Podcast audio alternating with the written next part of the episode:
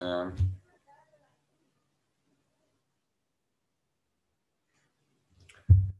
tardes, ¿qué tal? Bienvenidos, bienvenidas a The NBA Talk, un podcast que nació un 2 de enero con la intención de informar sobre la actualidad de la NBA y hablar sobre temas relacionados con esta.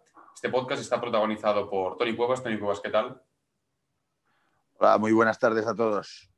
Y por mí mismo, Alex Lillo. Recordad que en estos episodios dedicamos todo el tiempo a hablar de las eliminatorias de playoff Dicho esto, empezamos. Y bien, lo dejamos en el último episodio el pasado domingo, donde hablamos de que Atlanta y Filadelfia se estaban jugando un, pase a la final de conferencia y finalmente saltó la sorpresa para el equipo más joven, para unos Hawks liderado por Trey Young. Ganaron, vencieron a los Philadelphia 76ers. Atlanta ganó la serie 103 a 96.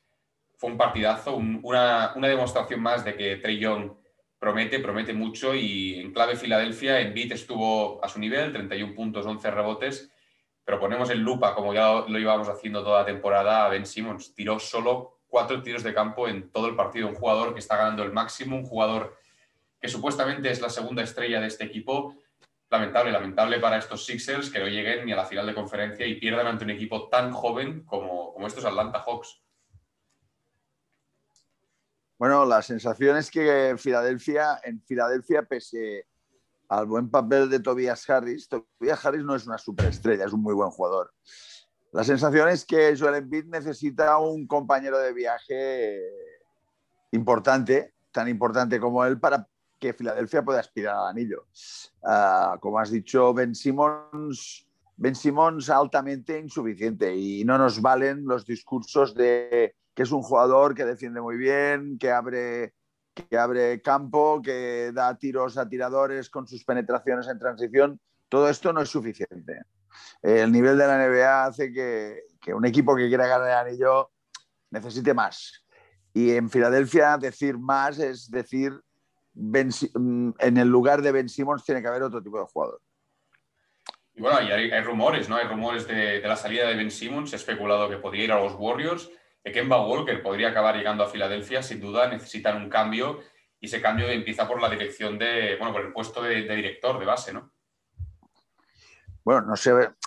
Sí, sí, esto está claro. Lo que no sabemos es si Kemba Walker es de, dudosa, de dudoso rendimiento en equipos que se juegan algo serio.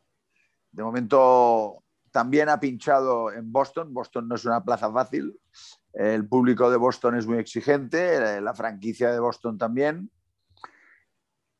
Bien, eh, tampoco está claro que Kemba Walker sea la solución a los problemas de Filadelfia, pero en cualquier caso hay que intentarlo, hay que remover el mercado para encontrar a, una plantilla que mm, si las lesiones les respetan, y esta frase es muy recurrente, porque está clarísimo que este año quien va a ganar la NBA será un equipo que lo hayan respetado las lesiones. Bien, y vamos directamente ya a las finales de conferencia, ya están definidas. Eh, los Ángeles Clippers, Phoenix Suns, Milwaukee Bucks, Atlanta Hawks. Empezaremos hablando por los Phoenix Suns, ¿no? El Game One que jugaron el pasado domingo, como iba comentando. Claro, unos Suns que llevaban una semana de descanso, se enfrentaron ante unos Clippers que apenas habían acabado de ganar a los Utah Jazz. Y fue una exhibición tremenda de Devin Booker desde, desde, bueno, desde tiros fuera de la botella, ¿no? Unos 40 puntos, 13 rebotes, 11 asistencias, primer triple doble de su carrera y lo hizo en el primer partido de finales de conferencia también para él. Buena aportación de Andre Ayton, Miles Bridges jugó bien, eh, Jay Crowder, Cameron Payne, un juego muy colectivo. En los Clippers, malas noticias, tuvieron el pequeño susto con Marcus Morris, que solo pudo jugar 21 minutos, y Paul George estuvo buen nivel, 34 puntos, pero como decía, no fue suficiente para acabar con, para intentar ganar este, este Game One ante los eh, Phoenix Suns? Bueno, en principio lo de los eh, Clippers ya hemos comentado en alguna ocasión que es sorprendente. Nos sorprenden estos Clippers, tanto para mal como para bien. Ah, la plantilla eh, se ha, se ha hecho un poco corta para, para, para ganar. En principio parece que la plantilla sin Kawhi le va a faltar algo, pero hay que recordar que toda la plantilla, empezando por Reggie Jackson y el sorprendente Terrence Mann y la gran mejora de Paul George en los últimos dos meses, uh, hacen que, que, que los Clippers estén dando la cara estén donde están en final de conferencia, cosa que el año pasado con toda la plantilla no consiguieron. Uh, delante tienen unos uh, Phoenix que no pueden contar con Paul George, en, con Chris Paul en el primer partido, pero sí que han contado con él en el segundo. Uh, perdón, han contado con él en el tercero. En los dos primeros no estuvo Chris Paul, pero Cameron Payne está sorprendiendo a propios y extraños. Estamos hablando de una eliminatoria donde hay muchas sorpresas. Jugadores que estaban en el baúl de los recuerdos, como Reggie Jackson en los Clippers o, Cameron Payne en, en, Phoenix están siendo protagonistas. Y esto unido a el resurgimiento de mm, Chris eh, Paul, George y al gran rendimiento de jugadores como Devin Booker en Phoenix hace que la eliminatoria, pese a ir 2 a 0 eh, a favor de Phoenix, el primer partido pues, dominó Phoenix eh, totalmente. En el segundo ya fueron las cosas más igualadas. Uh, Clippers tuvo el partido en su mano, dos tiros libres fallados por uh, Paul George dieron con el traste a la victoria de los angelinos. bien, mm, ya van 2 a 1. Los, los Clippers han ganado en el último partido. Esto quiere decir que la cosa puede ser larga. Eric, como tú decías, en este segundo partido se decidió el, final del partido se decidió con una liup de Jay Crowder para, para DeAndre Ayton. Y bueno, a destacar el buen partido de, Cameron Payne, 29 puntos. Y unos Clippers que, como tú decías, resurgieron a más jugadores. Patrick Beverly volvió un poco a la rotación, había estado un poco descafeinado en este final de temporada y inicios de playoff y defendió muy bien a Devin Booker, que hizo 20 puntos, pero con malos porcentajes: 5 de 16 en tiros de campo y 1 de 3 en tiros de 3. Así que en el tercer partido la cosa fue un poco distinta, fue un poco contradictorio. Volvió, uh, Chris, volvió Chris Paul y aún así ganaron los, Clippers. Eh, Paul George jugó un buen nivel, Reggie Jackson, como tú decías, el, renacido, 23 puntos y jugando a un muy buen nivel. Y en Phoenix, eh, lo mismo, Patrick Beverly apretó en defensa a Booker y Paul fue insuficiente su aportación para que se llevaran el, tercer partido. Veremos cómo acaba esta serie. Uh, está muy interesante, juegan el, el sábado, Game 4, a las 3 de la madrugada y sin duda esa serie promete, promete mucho. Sí, es curioso que con el regreso de Chris Paul las cosas no fueran del todo bien. Regresa Chris Paul, um, que ha perdido un poco el ritmo de competición, y en el partido se lesiona Cameron Payne en un tobillo y ya no pudo jugar más. uno de los jugadores más destacados los dos últimos los dos primeros partidos se lesiona y el regreso del base titular acaba no sirviendo para que, para que vuelvas a ganar. Son estas contradicciones en las plantillas, eh, contradicciones porque regresa eh, Chris Paul y, y, Fénix pierde.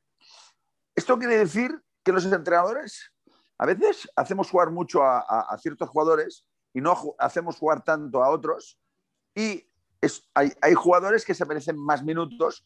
lo, lo, de Reggie Jackson también es muy exagerado. El año pasado yo me preguntaba, ¿cómo es que Reggie Jackson no pisa la pista? ¿No estaba para jugar Reggie Jackson en las eliminatorias del año pasado? Y ahora estamos viendo un Reggie Jackson que está haciendo más de 20 puntos por partido en, esta, en estas eliminatorias de playoff. ¿no? Entonces, uh, bien, uh, van 2 a 1, el tema está uh, a favor de Fénix, pero evidentemente, evidentemente que nadie entierre, que nadie se fíe de los Clippers porque no tienen nada que perder, están todos liberados, sacando talento y vemos a todos los jugadores dando su máximo, incluido eh, Zubac, que es un jugador que yo he criticado también bastante, que no aporta mucho. Pues el último partido fue un, hizo un buen partido y bueno, a partir de aquí, 2 eh, a 1, los Clippers ya nos tienen acostumbrados a remontar eliminatorias 2 a 0 como ya hicieron con ah, los anteriores rivales. Bueno, ah, vamos a ver qué pasa en el. Exacto, vamos a ver qué pasa en el siguiente partido, que vuelve a ser en campo en, Los Ángeles. Ah, vamos a ver cómo está Cameron Payne de esta lesión en el tobillo. Este jugador ya, está, ya es más importante de, que de lo que nos parece. Chris Paul no está para jugar 40 minutos por partido y eh, resaltar una vez más a André, de André Ayton, que está haciendo unos playoffs uh, sensacionales, está rindiendo mucho más que en fase regular y esto siempre lo vemos con muy buenos ojos. Y hablemos ahora de la, bueno, de la, de la conferencia este. Atlanta Hawks, Milwaukee Bucks se enfrentan. Primer partido, tenemos que hablar de Trey Young. Qué jugador, 22 años, lleva solo dos años en la NBA pero el primer partido fue, jugó como si llevara 15, 48 puntos, 7 rebotes, 11 asistencias y sensaciones de, de superestrella, de ir sobrado por la pista. Vimos a Liups con pases a tablero a John Collins, John Collins que por cierto se está mereciendo el máximo, también 23 puntos, 15 rebotes, un Capela que aportó, Kevin Werther jugando a un buen nivel, Bogdanovic que siempre, que siempre ayuda y desde el banquillo pocos jugadores, lo decíamos, lo decías tú hace unos, unos episodios, rotaciones cortas Galinari, Solomon Hill y Luke Williams eh, fueron los jugadores que entraron desde el banquillo y en Milwaukee, bueno, un poco lo de siempre, la tónica de siempre. Rujo Holiday 33 puntos, ante Documpo 34. Pero es que, claro, ¿cómo paras a un jugador que mete casi 50 puntos en su primer partido de, finales de conferencia? ¿no? Fue un partidazo. Felicitar a Atlanta Hawks desde aquí. Después hablaremos del segundo partido, pero este partido sin duda quedará para la historia. Bueno, es, eh, es una eliminatoria que las lesiones que ha habido eh, en, las dos conferencias, en este caso la conferencia este, hacía casi imprevisible a principios de, los playoffs que, se diera esta final de conferencia. Atlanta está rindiendo a un buen nivel, pero sobre todo está rindiendo a Trey a un nivel increíble. Parece que lleve toda la vida jugando en la NBA. Como tú dices, pese a sus 22 años, es exagerado lo que estamos viendo. Tiene mucho mérito que un jugador de su físico pueda hacer tanto daño al rival. De Atlanta destacar el buen rendimiento general, pero mm, tengo que decir que Bogdanovic está por debajo de lo que se espera de él. Y Lou Williams eh, ya, ya, nos dio muestras en Clippers que ya no está para grandes batallas. Uh, Lou Williams está para dar descanso a Trey Young. Afortunadamente, con 22 años, se puede permitir el lujo de descansar poco, porque Lou Williams cuando sale eh, al campo, eh, el equipo lo nota mucho, o dicho de otra forma, cuando Trey Young está en el banquillo, uh, Macmillan está contando con un crono en los segundos que faltan para volverlo a poner en pista. ¿no? Y Bogdanovic no está haciendo de momento una eliminatoria muy, muy, muy, muy brillante. Suerte que Heuter, está a un nivel muy bueno y uh, esto unido a un buen papel de John Collins, Galinari aportando uh, sangre fría y experiencia en momentos clave. Recordemos que Hunter no está porque está lesionado, es un jugador importante en los esquemas de, de de los Atlanta Hawks. Pese a todo, este, este equipo está haciendo una, unos playoffs históricos. Mm, de momento han ganado el primer partido, después hablaremos del segundo.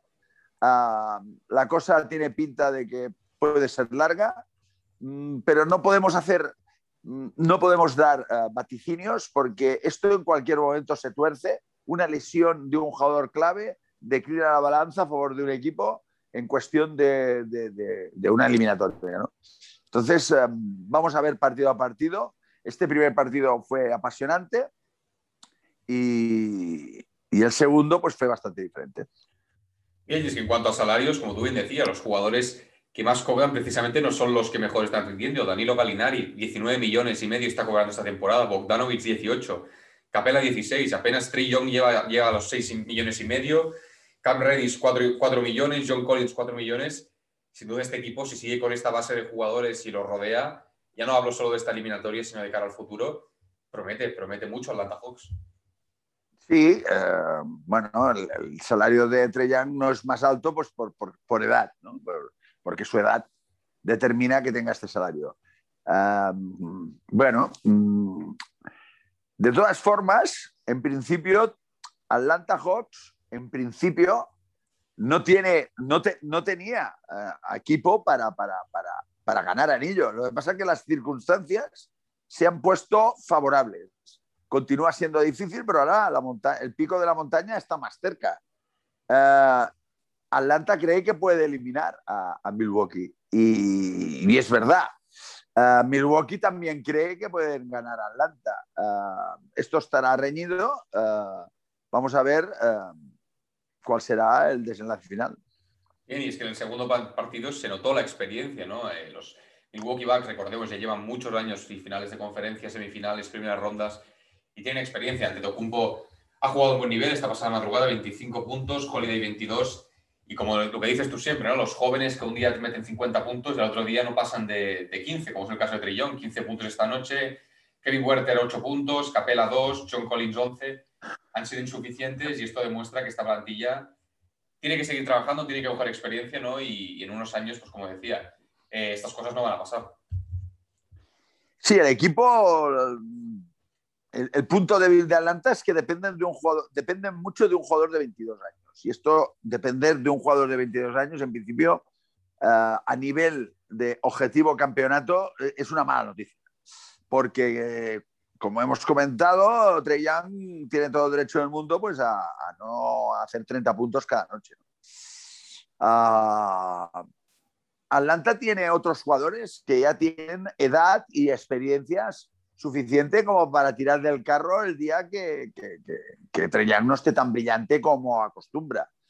Sobre todo también pensando que las defensas van a estar muy pendientes de él. bueno, mm, les, el segundo partido ha sido el típico partido desgraciado de Atlanta. Es, mejor perder un partido de 30 que 10 partidos de 3. entonces, bueno, mm, es, un mal partido, pero en playoff es igual perder de 20 que perder de 1. el, siguiente partido será otra historia, seguro, ¿no? Por parte de Milwaukee, mm, destacar que Milwaukee depende mucho de, Middleton. y me explicaré. El día que Middleton está fino anotando, Milwaukee tiene mucho las de ganar.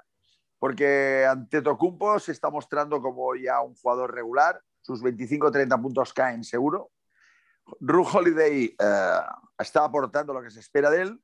Entonces, el elemento que marca la diferencia es Middleton. Y Middleton ya hemos definido a este gran jugador como un anotador compulsivo que él no controla cuando anota. Eh, Middleton puede estar todo un cuarto sin anotar, un cuarto y medio sin anotar y de golpe porrazo empezar a anotar de una forma compulsiva y romper el partido. Middleton es ese jugador que eh, si está fino es muy difícil que Milwaukee pierda. Pues sí, sí, quedan unas finales de conferencia muy, muy interesantes. Eh, recordemos, los, de los cuatro equipos que quedan, ninguno ha ganado el anillo. Bueno, en dos casos no, no han ganado el anillo y los otros dos hace 50 años que no lo ganan. Una temporada rara, una temporada histórica para la NBA como tú decías, se definirá por las lesiones y sin duda, pues eh, muy interesante. Así que si no tienes nada más que añadir, Tony, yo lo dejaría por aquí. Bueno, sí, resaltar lo que acabas de decir, que, nadie ponía a los equipos que están, estos cuatro equipos que han llegado al final, no estaban en, eh, en ninguna apuesta, en ningún... Nadie contaba con ellos. Recuerda que los Clippers yo decía que era el equipo tapado que nadie hablaba de Clippers este año y están haciendo un gran papel sin Kawhi.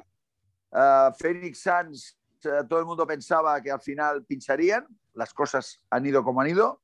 Bucks siempre tienen eh, eh, esa, esa sombra de que al final no dan la talla y Atlanta, pues recordemos cómo empezó la temporada. O sea que, bueno, eh, esta es la, la, grandeza de la NBA, que, que, aquí puede ganar, no diré cualquiera, pero sí una gran cantidad de equipos. Pues muy bien, seguiremos eh, dando la cobertura de, estos dos playoffs de la NBA aquí en The NBA Talk Podcast. Así que, amigos y amigas, este episodio ha llegado a su fin. Esperemos que os haya gustado. Recordad que nos podéis seguir en nuestro Instagram, arroba The NBA Talk Podcast. Tony Cuevas, gracias por acompañarme. Gracias a todos. Y recordamos a los demás que nos vemos en próximos episodios. Un abrazo y ya, adiós.